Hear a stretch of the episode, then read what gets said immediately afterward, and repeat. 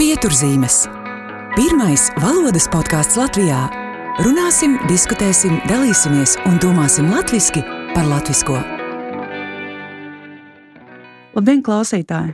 Mans vārds ir Aiga Vecāna, un es priecājos ar tevi tikties pieturzīmēs. Paldies, ka klausies, atbalsti, dalies pārdomās un iesaki citiem. Šodien tiekos ar Dita Liepu un Guntu Anču. Dita Liepa ir Latvijā plaši pazīstama valodniece un pedagoģe, filoloģijas doktore. Viņas balsi noteikti esat dzirdējis vai dzirdējusi Latvijas rādio, latviešu valodas raidījumos. Noteikti esi lasījis vai lasījusi intervijas ar viņu. Iespējams, Dita pat ir bijusi tev pasniedzēja augstskolā. Gunta Anča ir Latvijas cilvēku ar īpašām vajadzībām sadarbības organizācijas Sustento valdes priekšsēdētāja un viena no vieglās valodas aizsācējiem Latvijā. Ar Guntu jau tikāmies pieturzīm 36. sērijā, kad runājām par vienkāršo un vieglo valodu. Priecājos, ka šodien sarunu turpināsim un pievērsīsim jo, jo īpašu uzmanību iekļaujošai sabiedrībai un arī iekļaujošai valodai. Labdien, Dita! Labdien, Gunta! Labdien! Jā, labdien. Priecājos jūs satikt un priecājos, ka piekritāt šai sarunai. Varbūt pirms, um, pirms ķeramies pie šodienas šīs tēmas, iekļaujošās valodas tēmas, izstāstiet, kā jūs abas esat iepazinušās, kas jūs ir savedis kopā, Dita. Nu, Gunta jau ir zināms cilvēks Latvijā, un Gunta ļoti bieži gan ir uzstājusies. Es esmu vienmēr ieklausījusies gan viņas viedoklī, eh, gan viņas skaidrojumos. Un eh, tieši mm, mm, Pagājušajā gadā Latvijas Universitātē eh, bija tāds mums piedāvājums, tika mm, atvērts, ja tā kā tagad arī saka, uzsākts, vienkārši sākts projekts par vieglo valodu. Un nu, tad šajā projektā mēs arī satikāmies kā dalībnieces. Es biju ļoti priecīga mm, ar viņu nu, tieši, tieši iepazīties. Tā kā līdz šim tas bija tikai pastarpināti un attālināti, tad tagad mēs arī tieši darbojamies vieglās valodas projektā. Ko mēs darām?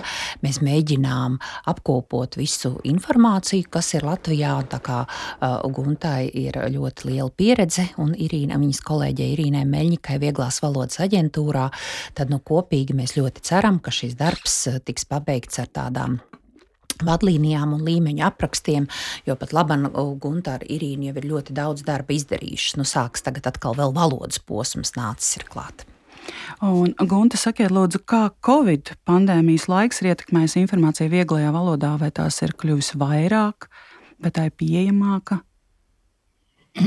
Jā, varbūt es tomēr sākšu ar mazu atkāpīti. Un es gribētu teikt, ka man bija ārkārtīgi prieks iepazīties ar Dīti.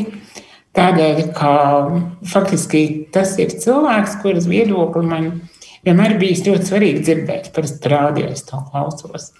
Un patiesībā ir ļoti daudz dažādas lietas, par kurām ir būtiski runāt arī Covid pandēmijas laikā. Un, protams, arī vieglā valoda ir ārkārtīgi svarīga tēma, par ko mēs runājam arī šobrīd projekta ietvaros kopīgi ar Diti, ko mēs darām. Bet arī nemazāk būtiski ir tie jautājumi, par kuriem mēs runājam un gribam runāt. Arī Covid saistībā lielā mērā tie ir jautājumi par cilvēkiem ar dažādām slimībām, jautājumi par cilvēkiem ar invaliditāti, jautājumi par to, kā mēs latviešu valodā šos jēdzienus izmantojam, lietojam, kā mums šķiet, ir labi vai nav labi. Un tādēļ man ir vienmēr bijis ļoti patīkami un ļoti interesanti dzirdēt ne tikai nu, mūsu kā mērķa grupas viedokli, jo mēs esam tie, par kuriem runā, bet arī tieši Dītas viedokli, kā to cilvēku, kas, nu, es gribētu teikt, Latvijā ir viens no tiem, kas veido latviešu valodu. To latviešu valodu, kurā mēs savā ikdienā runājam. Protams, Covid laiks vienmēr atstāja kādas sekas uz dažādām lietām. Paldies par tik jaukiem vārdiem. Paldies, Gunta. Nebija nemaz tā domājis, ka tik ļoti tā, nu, ka jūs tā vienmēr arī, kā jūs esat teikusi, ka ieklausāties. Jā, paldies jums. Jā, man tiešām jāpievienojas tam, ko, tam, ko Gunta teica, ka jūs Dita veidojat latviešu valodu, man ar vienu bija liels prieks arī dzirdēt un klausīties. Um, jā, Gunte jau pieskārās šim, šim tematam par to, kā padarīt valodu iekļaujošāku, iecietīgāku, tolerantāku pret sabiedrības grupām, kas bieži vien tiek marginalizēts vai diskriminēts. Un mēs jau iepriekšējās raidierakstu pieturzīmes sarunās esam runājuši par to, kādas ir šīs cilvēku kategorijas, kuru saistībā runā par iekļaujošo valodu, ja politkorektumu. Atgādināšu, ka saskaņā ar Eiropas Savienības padomus ģenerāla sekretariāta vadlīnijām tās ir septiņas kategorijas - vecums, invaliditāte, dzimums un dzimuma identitāte, seksuāla orientācija, laulība un civilās partnerattiecības, kā arī rase, etniskā piedarība, tautība un septītā - reliģija vai ticība. Gunta, jūs esat teikusi, ka cilvēka apziņā katrs, veid, katrs vārds veido kādas noteiktas asociācijas, kas saistīts gan ar cilvēka pieredzi, gan sabiedrības kopējo skatījumu. Tāpēc ir tik aktuāls šis jautājums par vārdu izvēli, runājot par cilvēkiem ar invaliditāti. Kā jums šķiet, kas mums kā sabiedrībai ir darāms, kā nonākt pie, šies, pie šās vienotās sapratnes par atbilstošu terminoloģiju, atbilstošiem vārdiem? Kāpēc tas ir svarīgi? Nu, varbūt, ja tas ir jautājums man, varētu sākt ar tādu kā mazu ievirzi. Man šķiet, ka katram cilvēkam droši vien ir ārkārtīgi svarīgi, kā mēs viņu nosaucam. Un tajā brīdī, kad mēs runājam par kaut kādām cilvēku kategorijām, tad šīm cilvēku kategorijām arī ir ļoti svarīgi saprast, kāda ir sabiedrības attieksme pret viņiem. Man liekas, būtu grūti saprast, tad, ja mēs runājam par invaliditāti, bet daudz vienkāršāk varētu pieņemt, piemēram, mm, korpulentus, apaļīgus cilvēkus. Un tad, ja mēs uz šiem cilvēkiem rādītu ar pirkstu un teiktu, re, kur esnie iet, tad diezgan viennozīmīgi būtu skaidrs, ka nu, nezinu, vai viņi būtu priecīgi. Un savukārt tieši tāpat runāt arī par šīm citām mērķa grupām, kuras jau tikko Aiga pieminēja, arī cilvēki ar invaliditāti nejūtās īsti labi tajā brīdī, kad tiek lietots jēdziens invalīds. Jo tas ir vairāk par to, ka tu esi invalīds un nezinu, vai cilvēks. Vismaz mums, kā mērķa grupai, kā tiem, par kuriem runāja šī sajūta, tieši tāpēc nejūtas īsti labi runājot dzirdot vārdu akls, kurls, jo arī šajās gadījumos mums šķiet, ka šī vārda lietojums ir vairāk aizskarošs. Un par to aizskarošo man šķiet ir viena ārkārtīgi svarīga lieta latviešu valodā ir jēdzieni, piemēram, šie jēdzieni aplis un kurls, kuri tiek izmantot arī kā lamu vārdi vai kā tādi vārdi, kas izsaka kaut kādu negatīvu noskaņu.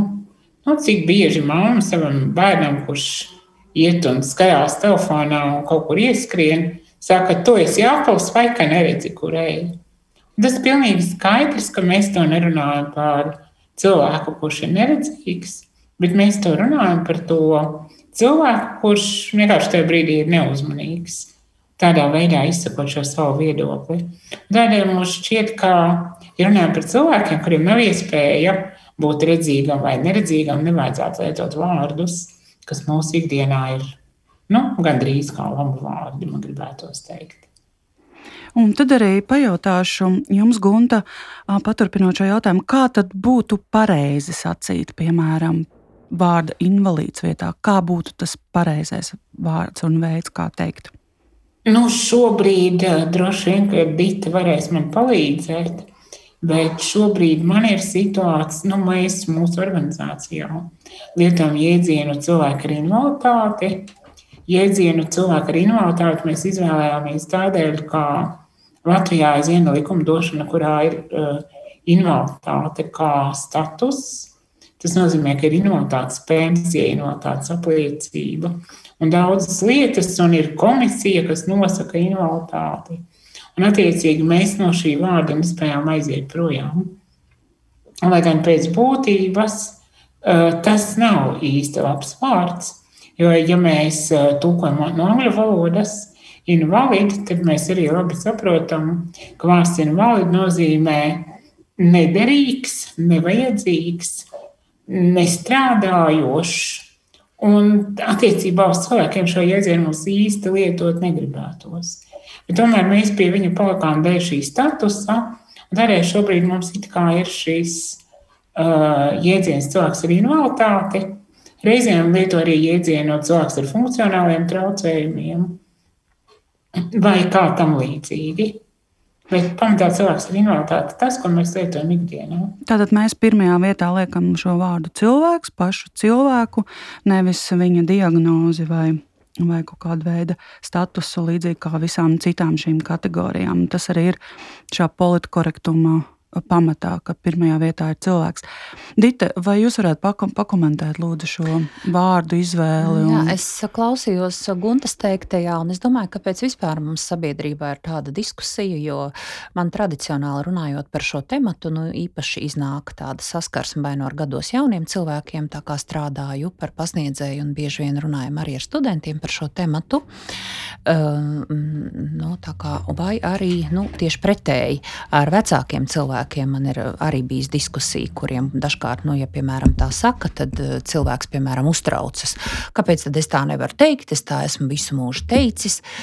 Es domāju, ka mēs esam tādus diezgan um, sarežģītu un, un sarežģītu mācību laiku piedzīvojuši. Jo vecākā paudze, tie, kas atceras padomu laikus, zina, ka uh, nebija šādu, mm, nu, tādu, mm, nebija tādas politkorektas valodas. Mums bija vienkārši tabū tēmas, kuras mēs nerunājām, un visos pārējos gadījumos uh, mēs vienkārši cilvēkus ar invaliditāti mēs viņus neredzējām. Mēs nerunājām uh, ne par to, kā viņi varētu iekļūt veikalā, jo viņi vienkārši nevarēja iekļūt veikalā. Un tieši mm, es domāju, ka nu, nu, šie cilvēki nebija redzami. Un, līdz ar to arī šīs problēmas netika, ne, netika darītas no sabiedrībai zināmas, par tām netika diskutēts. No, ļoti atsevišķos retos gadījumos tas bija kāds īpašs notikums, ja vienreiz gadā atļāvās kaut ko tādu publicēt. Es arī tieši padomu laikā sāku strādāt, un es ļoti labi atceros, ka nu, tāda bija nostāja apmēram laikraksta nodaļā, Nu, par to jau bija pagājušajā gadā. Mēs rakstīsim, nu tad šogad mēs atkal varētu rakstīt. Un līdz ar to tā ir tāda ļoti jauna pieredze vispār, ne tikai, ne tikai nu, ne tikai sabiedrībai, bet arī latviešu valodai. Un tāpēc arī, tāpēc arī nu, mums šķiet, ka pat labi par to runā, daudz runā, un varbūt dažiem šķiet, ka pārāk daudz runā, daži varbūt nesaprot, kāpēc runā, tāpēc ka mēs mācāmies. Un mācāmies noteikti gan, gan no angļu valodas, gan no tieši jo anglofonajās zemēs parasti arī vairāk runā, piemēram, par šo te, nu, par, nosaucot šīs kategorijas vairāk runā arī tieši par šo dzimumu apzīmējumu, korektu lietojumu. Un tāpēc tas jautājums ir mūsdienās kļuvis tāds, nu, es gribētu teikt, tāds nu, vairāk pamanāms. Uh, un, un ir ļoti labi, ka par to runā. Nu, tad ir tālāk tā sabiedrības izglītošana. Un tad, kā jau teicu, nu, tikt galā gan ar jaunāko paudzi, kurai tas ir jāizstāsta, un kuriem tie ir absolūti, kurām, kuriem, kurai jaunākajai paudzei. Tā ir absolūti jauna pieredze. Nu, ar tiem vecākiem ļoti bieži ir grūtāk tikt galā. Jo man arī nesen bija nodarbībā ar studentiem tāda diskusija, kur kāds jauns puisis teica, jā, bet mans uh, tēvs ir uh, invalīds, kāpēc es tā nedrīkstu teikt? Viņš pats arī tā pats sevi tā sauc, un tad parasti ir šis arguments. Cilvēks pats sevi tā sauc, kāpēc es tā nevaru, nu, kāpēc es tā nevaru teikt? Nu, pamatā jau, manuprāt, ir noteikti arī e, jāieklausās e, nu, konkrēti, kā, kā Gunta teica, mērķa grupas e, viedoklī.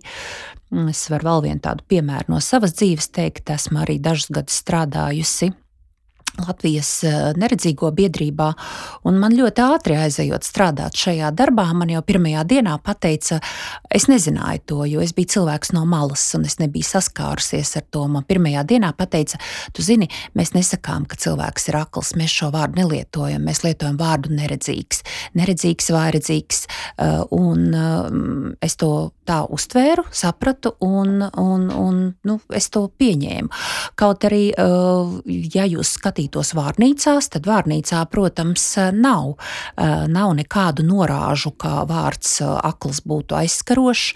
Tas, starp citu, ir viens no argumentiem, ko valodā min, ka vārnīcā nekā tāda nav, nu, vārnīcā eh, nav nekā tāda rakstība. Nu, līdzīgi, piemēram, kā diskutējot par tautību, par tautību vārdu nosaukumiem, ja, kā par čigāniem vai, vai vai žīdiem uh, un ebrejiem, tātad runājot tieši par šīm kategorijām, tad parasti saka, bet es skatījos vārnīcā. Uh, tā kā nu, ir arī tā, ka vārnīcā, tā vārnīca no valodas viedokļa, tā kā jūs atbrīvo no šīs, uh, no šīs izpratnes par to, ka vārnīcā ir gan vārds akls, gan ir vārds neredzīgs, nu pie akla gan ir nu, kā sinonīms šis vārds neredzīgs. Tieši tāpat, kā Gunta minēja, arī šis kurls un nedzirdīgs. Tā kā Es gribētu teikt, ka mēs eh, joprojām mācāmies, un mēs esam tādā gan diskusiju, gan tapšanas stadijā par to, jo mums nav stingru likumu, mums nav stingru noteikumu. Eh, ļoti daudz mums ir atstājis arī pagātnes mantojums, un eh, jā, es gribētu teikt, ka mm, mēs esam tādā, uz tāda, nu, es negribētu teikt, ka uz, uz sliekšņa, nē, mēs jau diskutējam par to, un uh, sabiedrībā viedokļi joprojām ir dažādi kā un par ko diskutē valodnieki šajā jautājumā? Uh, valodnieki, uh, kā jau es teicu, no vienas puses ir šī uh, nostāja par to, ka mēs noteikti skatāmies, ko saka vārnīca, Mēs noteikti skatāmies arī to vēsturisko aspektu, jo es jau minēju, nu, man konkrēti varbūt nebūtu tādu piemēru, kas ir saistīts cilvēkiem ar invaliditāti. Nu, es tagad nedomāju tādus vienkāršus apzīmējumus, kas parādās piemēram daļliteratūrā. Ja?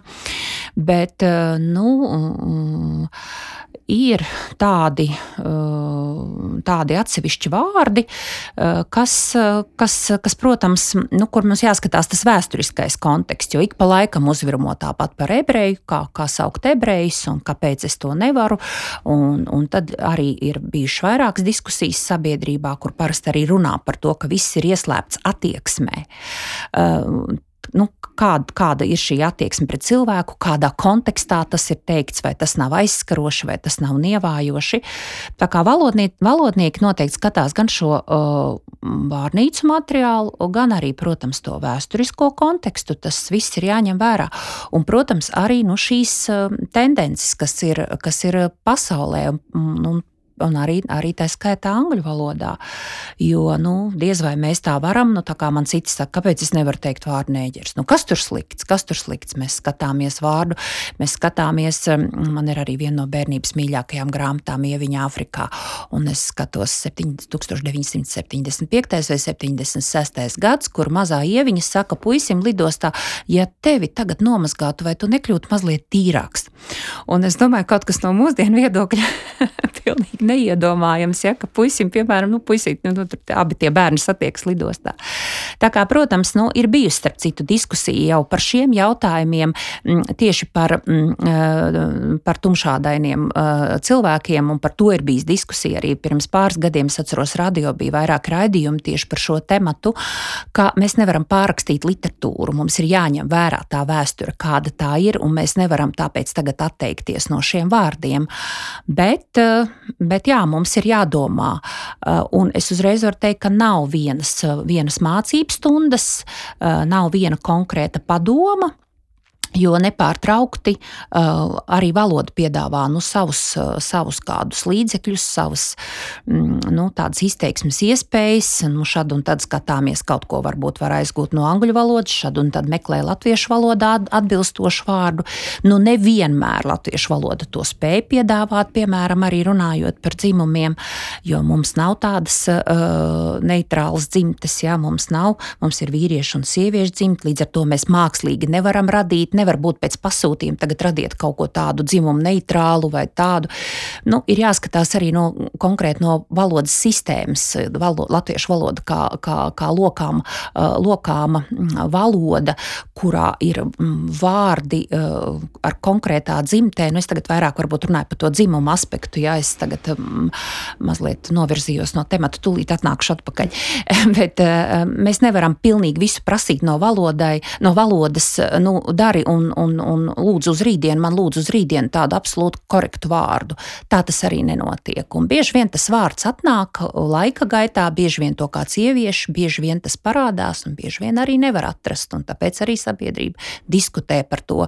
Tā kā mēs no valodniekiem arī nevaram prasīt tā pēc principa galdiņa klājies, tūlīt man lūdzu absolūti korektus, korektus apzīmējumus un tam. Jā, Gunta, sakiet, lūdzu, kas notiek, piemēram, nu, teiksim, arī sustento darbā, piemēram, sadarbībā ar likumdevējiem? Vai jūs izstrādājat kādus ieteikumus, vadlīnijas par to, kādus vārdus izvēlēties, kur, no kuriem vairīties?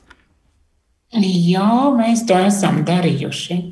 Patiesībā tas jau bija tad, kad sāka veidoties Latvijas Republika. Faktiski, nu, sustentā sāk strādāt no 2002. gada. Un 2002. gadā bija tas brīdis, kad mēs ļoti mm, daudz strādājām ar saviem partneriem no ārzemēm. Es atceros, ka bija ārkārtīgi liels projekts kopā ar partneriem no īrijas, kuri atbrauca uz Latviju. Reāli stāvēja man aiz muguras, skatījās, kā es rakstu datorā un teica, ko tiešām jūs lietojat vārdu invalīds par cilvēkiem. Un tad arī man pašai tā bija tāda milza pārsteiguma brīdis, un es padomāju, ka jā, pareizi. Mēs lietojam vārdu invalīds par cilvēkiem. Un tas arī brīd, bija tas brīdis, kad mēs ļoti aktīvi diskutējam, kādu jēdzienu vajadzētu lietot, kurš būtu tas labākais ar ļoti daudziem variantiem. Bija gan cilvēki ar īpašām vajadzībām, Un tad bija kā daudz diskusiju par to, kas tad ir īpašas vajadzības. Līdz kāds puisis man teica, ka viņam ir īpaša vajadzība katru vakaru aliņu iedzert, jo citādi viņš nevar aizmigt. Un tad bija diskusija par, par cilvēkiem ar speciālām vajadzībām, tad bija diskusija par vēl daudz dažādiem variantiem, ieskaitot arī tos, kur mēs vienkārši atgriezāmies ļoti senā pagātnē un teicām, kādēļ nevar teikt kroplis, jo patiesībā tas ir tik latviski un viens vārds un, un labi lokāms, un ko tad mēs tagad izdomājam jaunus vārdus. Un tad šīs diskusijas rezultātā mēs arī nonācām pie, pie domas, ka varētu būt cilvēki ar invaliditāti, tie, ko tā terminoloģija, ko mēs šobrīd lietojam.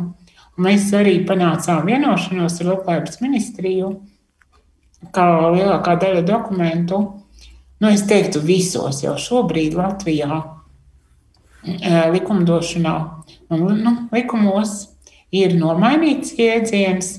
Ja līdz šim ilgu laiku bija invalīda apliecība, tad šobrīd ir invaliditātes apliecība. Ja ilgu laiku bija invalīda pensija, tad tagad ir invaliditātes pensija. Un tā tālāk. Līdz ar to mēs esam aizgājuši no jēdziena invalīds uz jēdzienu cilvēku ar invaliditāti. Tā kā patiesībā tā kustība notiek, un droši vien man jāpievienojas Ditei par to, ko viņa teica, ka galdiņš klājies nestrādā, un kā sabiedrība ļoti, ļoti lēni pieņem kaut kādas lietas, arī tās lietas, kuras ir valodā, un ka mums nu, vēl tāls ceļš ejams, jo patiesībā tie jau ir tikai daži no jēdzieniem. Tieši tāpat, kad eh, ja mēs runājam par cilvēkiem riteņkrēslā, atkal runājam par to, vai ir rati, ratiņkrēsls, riteņkrēsls. Nu, šobrīd aizvien aktuālāks ir jēdziens riteņkrēsls. Uh, arī par tādiem apzīmējumiem kā piekauts, piesiets riteņkrēslam. Nu, es esmu riteņkrēslā, nejūtos piekauta.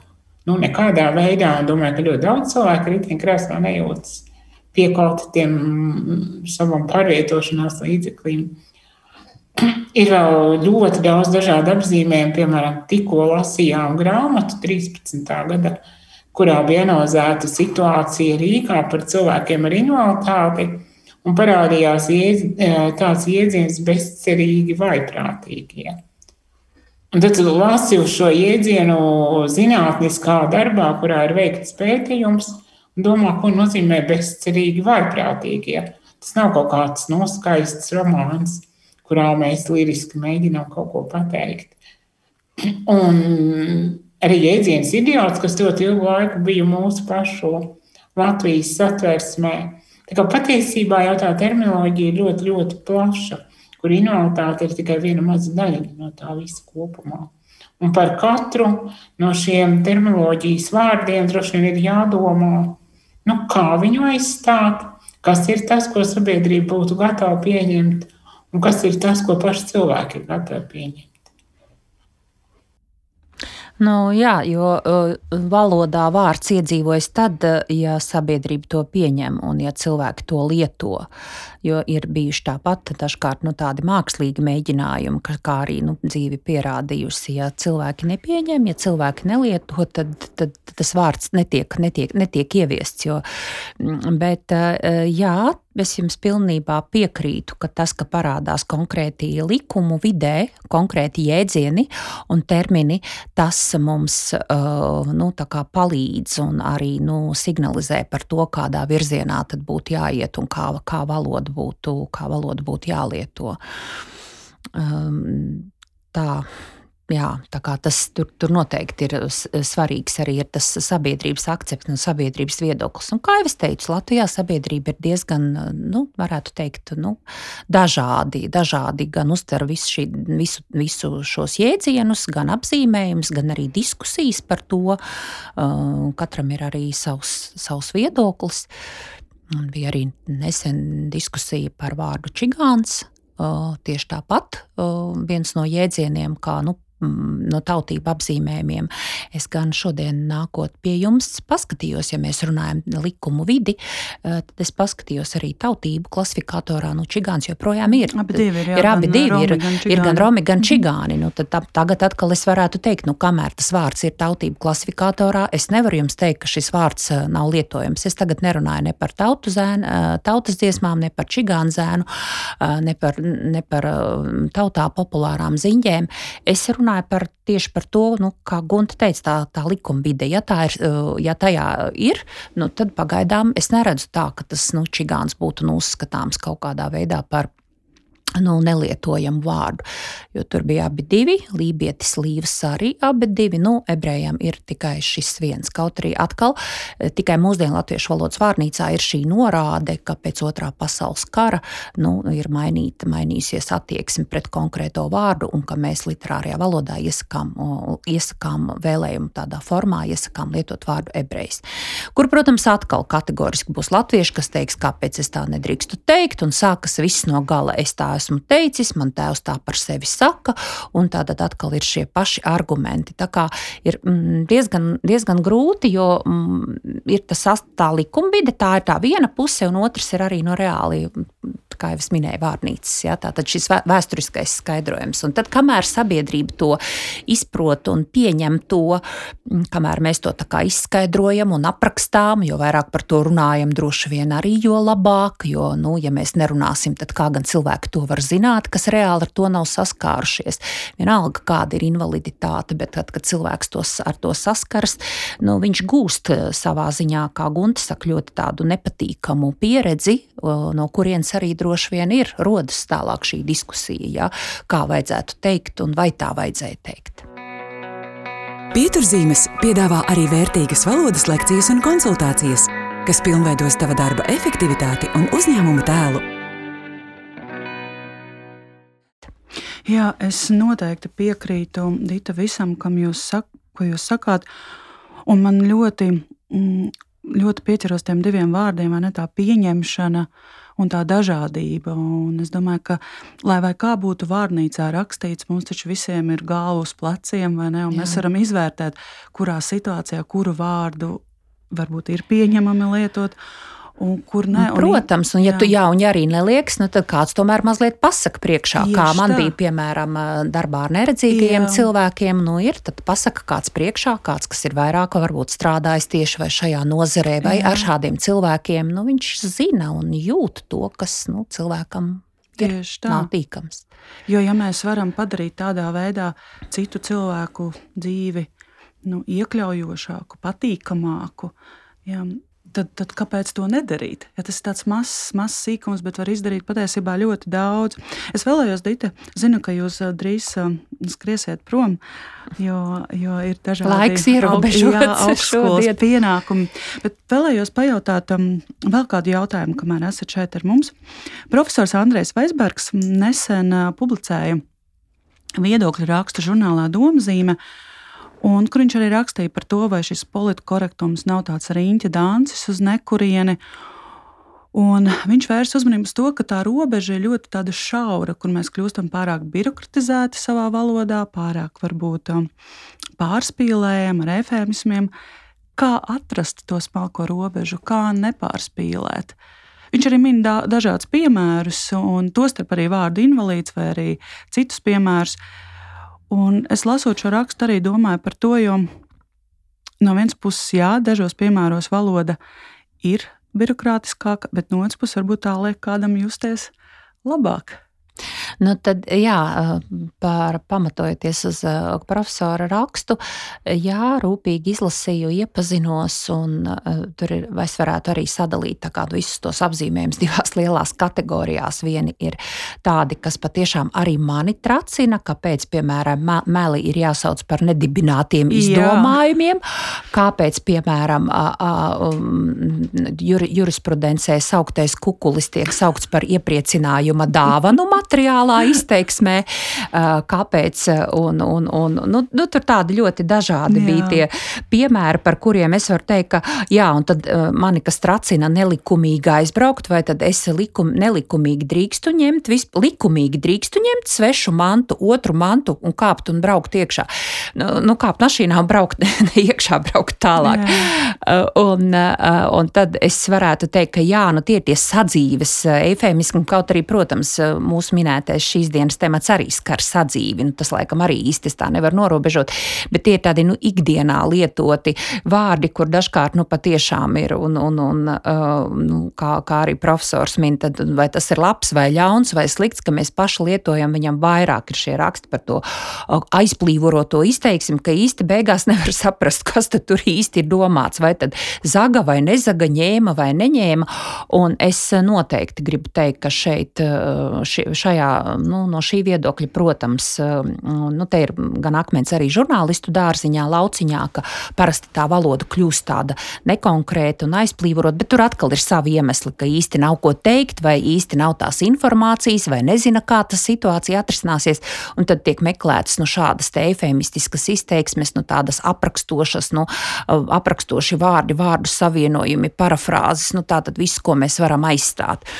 Un tad, protams, ir šī otra, otra kategorija, par kuru mēs, nu, tāpat nav otra, tur ir, tur ir vēl vairāks. Tur tāpat profesors min gan tautību apzīmējumus, kuros arī, nu, mans pieminētais kaut vai šis vārds čigāns, kur, protams, jau sāks tā robeža, kur mums tomēr ir jādomā, mums, protams, jāiet ir laikam līdzi un jādomā par to, nu, ko mēs, ko mēs, kā mūs sapratīs un kā mūs nu, vai, vai mūs sapratīs, un kā arī kā mēs runāsim nākotnē. Nu, tā kā mm, patiešām varētu teikt, ka jā, robeža ir ļoti trausla, jo tajā brīdī, kad tā skar konkrētu cilvēku grupu, konkrētu mērķa auditoriju, tajā brīdī, protams, ir jākļūst, nu, jā, jā, jādomā un jārunā nu, par to, un nu, tieši par to, kāda kā, kā, kā, kā šie cilvēki jūtas un kā, kā būtu jārunā ar, ar nu, teiksim, kā būtu jārunā sabiedrība, kā būtu jāmāca un jāizglīto arī sabiedrība. Kaut arī reizēm, protams, tās diskusijas ir pilnīgi, kā jau es teicu, kāpēc, kur, kas un atkal. Un tā kā reizēm man liekas, tiešām tas ir tas riņķa dancis, ka ir ļoti grūti pārliecināt uh, sabiedrību vai nu, ne jau visus atkal, kā es tāpat klausījos jūs iepriekšējo raidījumu par šo tematu, kur uh, kolēģis minēja, ka jā, taču visi lielākā daļa tā zina. Tur bija jautājums par bēgļiem un migrantiem arī, cik mēs ļoti neapdomīgi šos vārdus lietojam. Es pat nebiju iedomājusies, jo mani tas it kā neskar. Un līdz ar to tajā brīdī es neiedomājos. Es domāju, ka uh, dancis bet riņķa dancis, bet ir jārunā. Vienalga, kā mēs ejam pa šo riņķa danci, bet ir jārunā, lai nonāktu pie kāda risinājuma. Jā, Dita, paldies, ka varējāt pievienoties šai sarunai. Un, paldies jums un paldies Guntai par jā. līdzdalību. Man ļoti žēl, ka tā ir iznācis, ka es nepalieku līdz beigām, bet paldies jums bet arī. Paldies par vērtīgajiem komentāriem. Es domāju, ka katrs klausītājs aizdomājās par to, kur, kurā brīdī, ko, kad, kad lieki nebirokratizēt un kad par to tiešām domāt. Ar Dītu mēs noteikti tiksimies vēl. Klausītāji, Paldies. nesatraucies. Mēs tuvākajos raidījumos ru, rudenī noteikti tiksimies, lai aprunātos par, par citiem valodas jautājumiem. Gunta, varbūt um, turpinot sarunu par, par, šiem, par šiem vārdiem un to, ko mēs katrs varam darīt, kādi būtu jūsu ieteikumi valodas lietotājiem? Ko atcerēties, par ko domāt, kam pievērst uzmanību, kur meklēt informāciju? Jā, nu, droši vien turpinot to, ko jau Dita teica, man nedaudz gribētos pakomentēt. Man šķiet, ka ir ārkārtīgi svarīgi cilvēkiem, lai būtu šī informācija.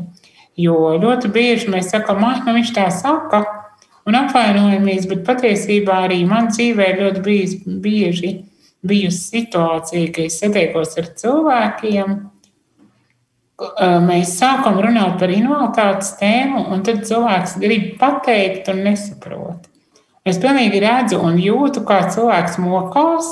Viņš saka, ah, cilvēki, nu, tie ar īpašām vajadzībām, vai tie īpašie, vai tie speciālie, vai, vai, vai nu, viņos ir šī sajūta, ka vārds invalīds nav īsti labi un droši vien nevajadzētu to vārdu lietot, un tāpat laikā īsti nav skaidrs, kas ir pareizais vārds.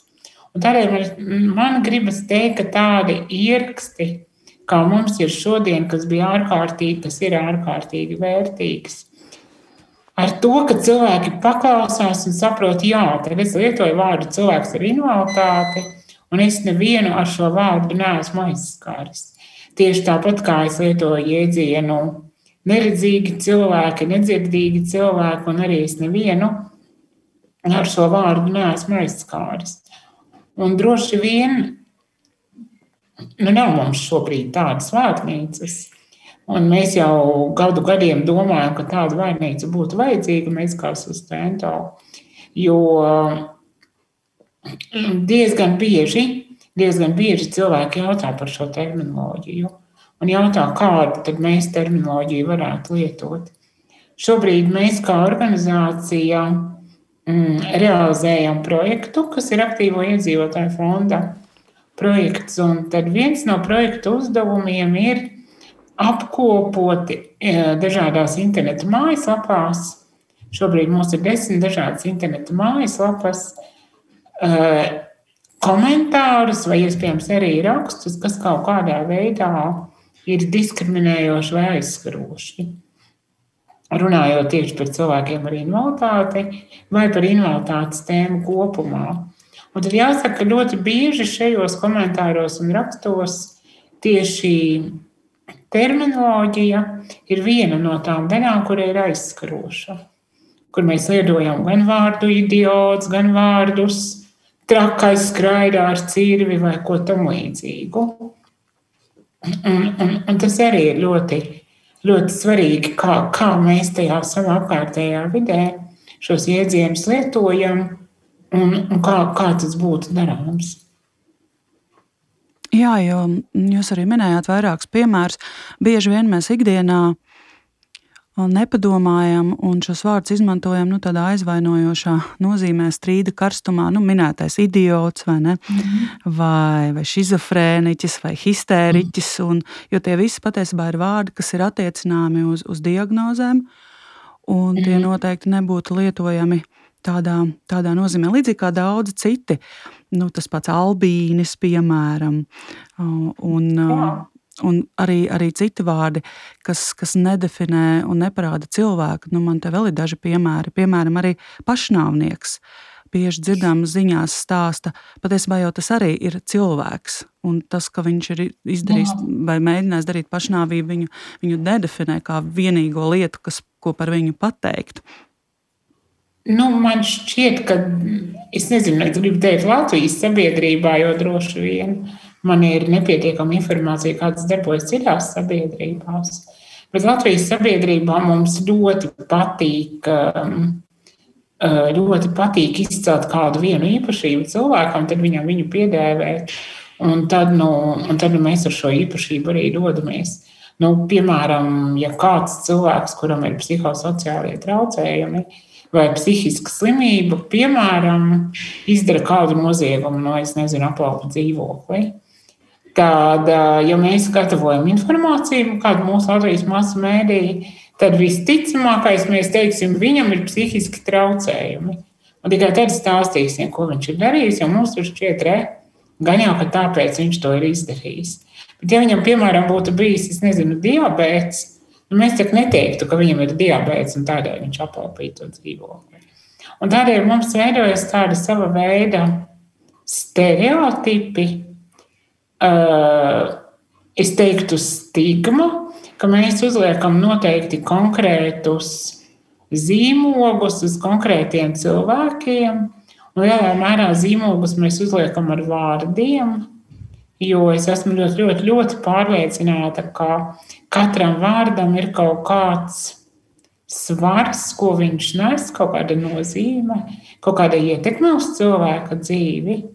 Man pat reizēm, tā kā es ļoti daudz strādāju ar cilvēkiem ar invaliditāti, tāda man reizēm pat ir sajūta, ka tad, ja cilvēku vairāk kārtīgi nodēvē par invalīdu, tad viņš arī kļūst nevis tas, kas iet meklēt darbu, bet tas, kas iet meklēt pabalstu.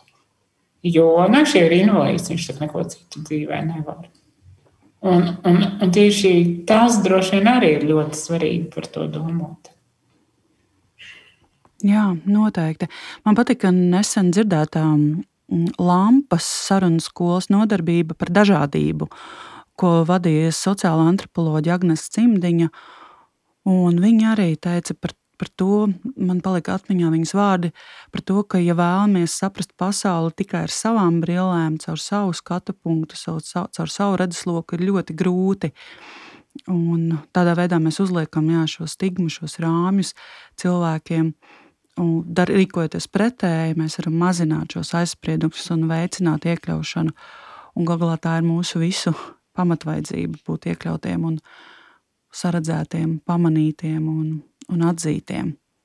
Un novērtētiem. Jā, tieši tā. Jo katram cilvēkam, neatkarīgi no tā, vai viņam ir invaliditāte, vai es nezinu, viņš ir gados cilvēks, vai, vai, vai tā tālāk, ir ļoti svarīgi kā viņš sajūtās sabiedrībā novērtēts.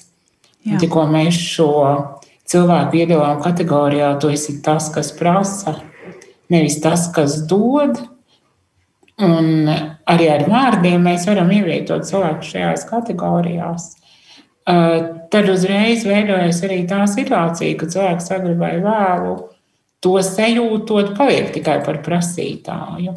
Patiesībā ir jau arī jāsaprot, ka mums kā sabiedrībai kopumā tie nav tie cilvēki, kas ir vajadzīgi. Un, zināmā mērā veidojas šis riņķa dancis, kur no vienas puses mēs sakām, mums ir vajadzīgs un svarīgs ik viens, no otras puses mēs kategorizējam cilvēkus, ieliekot viņus noteiktā sadaļā arī ar šo terminoloģiju, ar attieksmi un daudz ko citu. Un sakām, tu jau neko nevari, No trešās puses viņš agri vai vēlu padomā, es tiešām neko nevaru. Es esmu tikai invalīds, akls. Un kas tad no man? Iešu, ka es uz sociālo palīdzību un teikšu, lai iedod vēl kādu pabalstu. Nu, tā mēs kā sabiedrība veidojam šo grupu. Jā. Gunta, vēl vēlējos jums šodien jautāt, Par aktualitātēm jūsu darbā šobrīd zinu, ka piedalīsieties nākamajā nedēļā vairākās konferencēs. Varbūt varat izstāstīt, kas ir tas, kas notiek šobrīd eh, vieglās valodas laukā, iekļaujošās valodas laukā jūsu darbā. Es domāju, ka iekļaujošā valoda ir tāda ļoti, ļoti aktuāla lieta šobrīd. Uh, Latvijā, kas man šķiet arī ārkārtīgi svarīgi Eiropā, jo mēs aizvien vairāk ejam uz tiem jautājumiem, kas ir saistīti ar gan ar vieglo valodu, gan ar iekļaujošo valodu. Man ir prieks stāstīt, ka tūlīt jau, tūlīt jau iznāks grāmata, kas sauksies Vieglā valoda Eiropā, kurā būs sadaļa par manuprāt, gandrīz 50 valstīm, nevis Eiropas Savienības, bet Eiropas, uh, kur katra valsts kaut ko būs stāstījusi par to, kāda ir situācija. Un tostarp viena no valstīm būs arī Latvija. Šobrīd mēs jau lasām grāmatas maketu. Nu, tas nozīmē, ka grāmata būs to gatava. Un grāmatu izdod izdevniecība Vācijā, savukārt uh, veidoja mūsu kolēģis Somijā. Un patiesībā man ir bijusi arī iespēja klausīt to, kas notiek citās valstīs. Tad arī man ir ļoti svarīgi redzēt, ka tā nav tāda Latvijas tendence, ka mēs tikai attīstāmies. Tā ir tendence visā Eiropā. Ļoti svarīga un, manuprāt, ļoti interesanta. Un tieši tāpat arī veidojās šīs zinātniskās konferences, kurās ir aizvien vairāk vieglā valoda no praktiskā lietojuma ieiet, nu, man gribas teikt, tādā akadēmiskā mm, skatījumā, kur tā kļūst interesanta dažādiem zinātniekiem, gan filologiem, gan tūkiem, kur tiek meklēti pamatojumi daudzām lietām, sākot arī ar to praktisko lietu, kā, kā, kādas ir likumsakarības un beidzot ar to, cik svarīgi ir uh, tieši kāda veida vieglā valoda katrai konkrētai mērķa auditorijai ir nepieciešama. Ļoti daudz interesanti notiek visās jomās. Un varbūt atgādināsim mūsu klausītājiem, kuri nedzirdēja iepriekšējo 36. sēriju, kad tikāmies ar jums un, un Irīnu Mēļņiku un runājām par vieglo valodu. Gunte, varbūt pāris teikumos varat atgādināt un pateikt, kas tas ir un kāpēc tā ir svarīga. Vieno valoda ir, nu, es saku rīks. Es nezinu, vai tas ir labs vārds, bet vieno valoda ir rīks, ir veids, kā mēs informāciju, kur ir sagatavota sarežģīti un grūti saprotama daļai no sabiedrības, un kā rāda pētījumi, piemēram, Anglijā, kur to veica mūsu kolēģi, tie ir apmēram 25% no iedzīvotājiem, kas palīdz balstoties uz noteiktiem principiem sagatavot informāciju vieglāk saprotamu. Un tie principi ir ārkārtīgi daudzveidīgi, sākot no tekstu uzbūves, sintakses un morfoloģijas, un beidzot arī ar uh, teksta dizainu un ilustrāciju izvietojumu. Tātad viss šis kopums veido tādu principu kopu, likumību kopu, kas palīdz jebkuru tekstu sagatavot veidā, ka viņš ir vieglāk uztverams un saprotams. Un, um, skatījos, ka konferences, vienas no konferences programmām uh, nākamnedēļ, un runāsiet par vieglās valodas lietotāju stigmatizāciju Latvijā, Lietuvā un Slovenijā.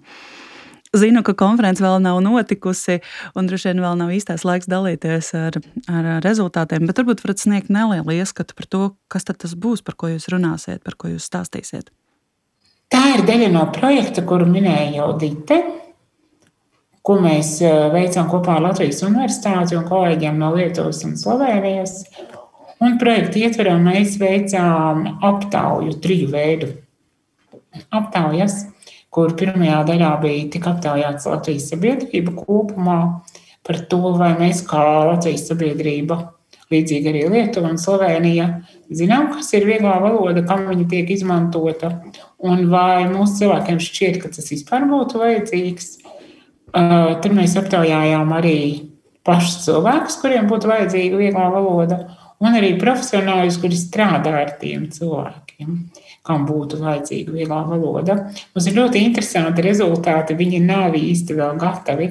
Es domāju, ka īsti labi nebūs par tiem vēl skaļi runāt jo patiesībā konference būs vēl tikai 27.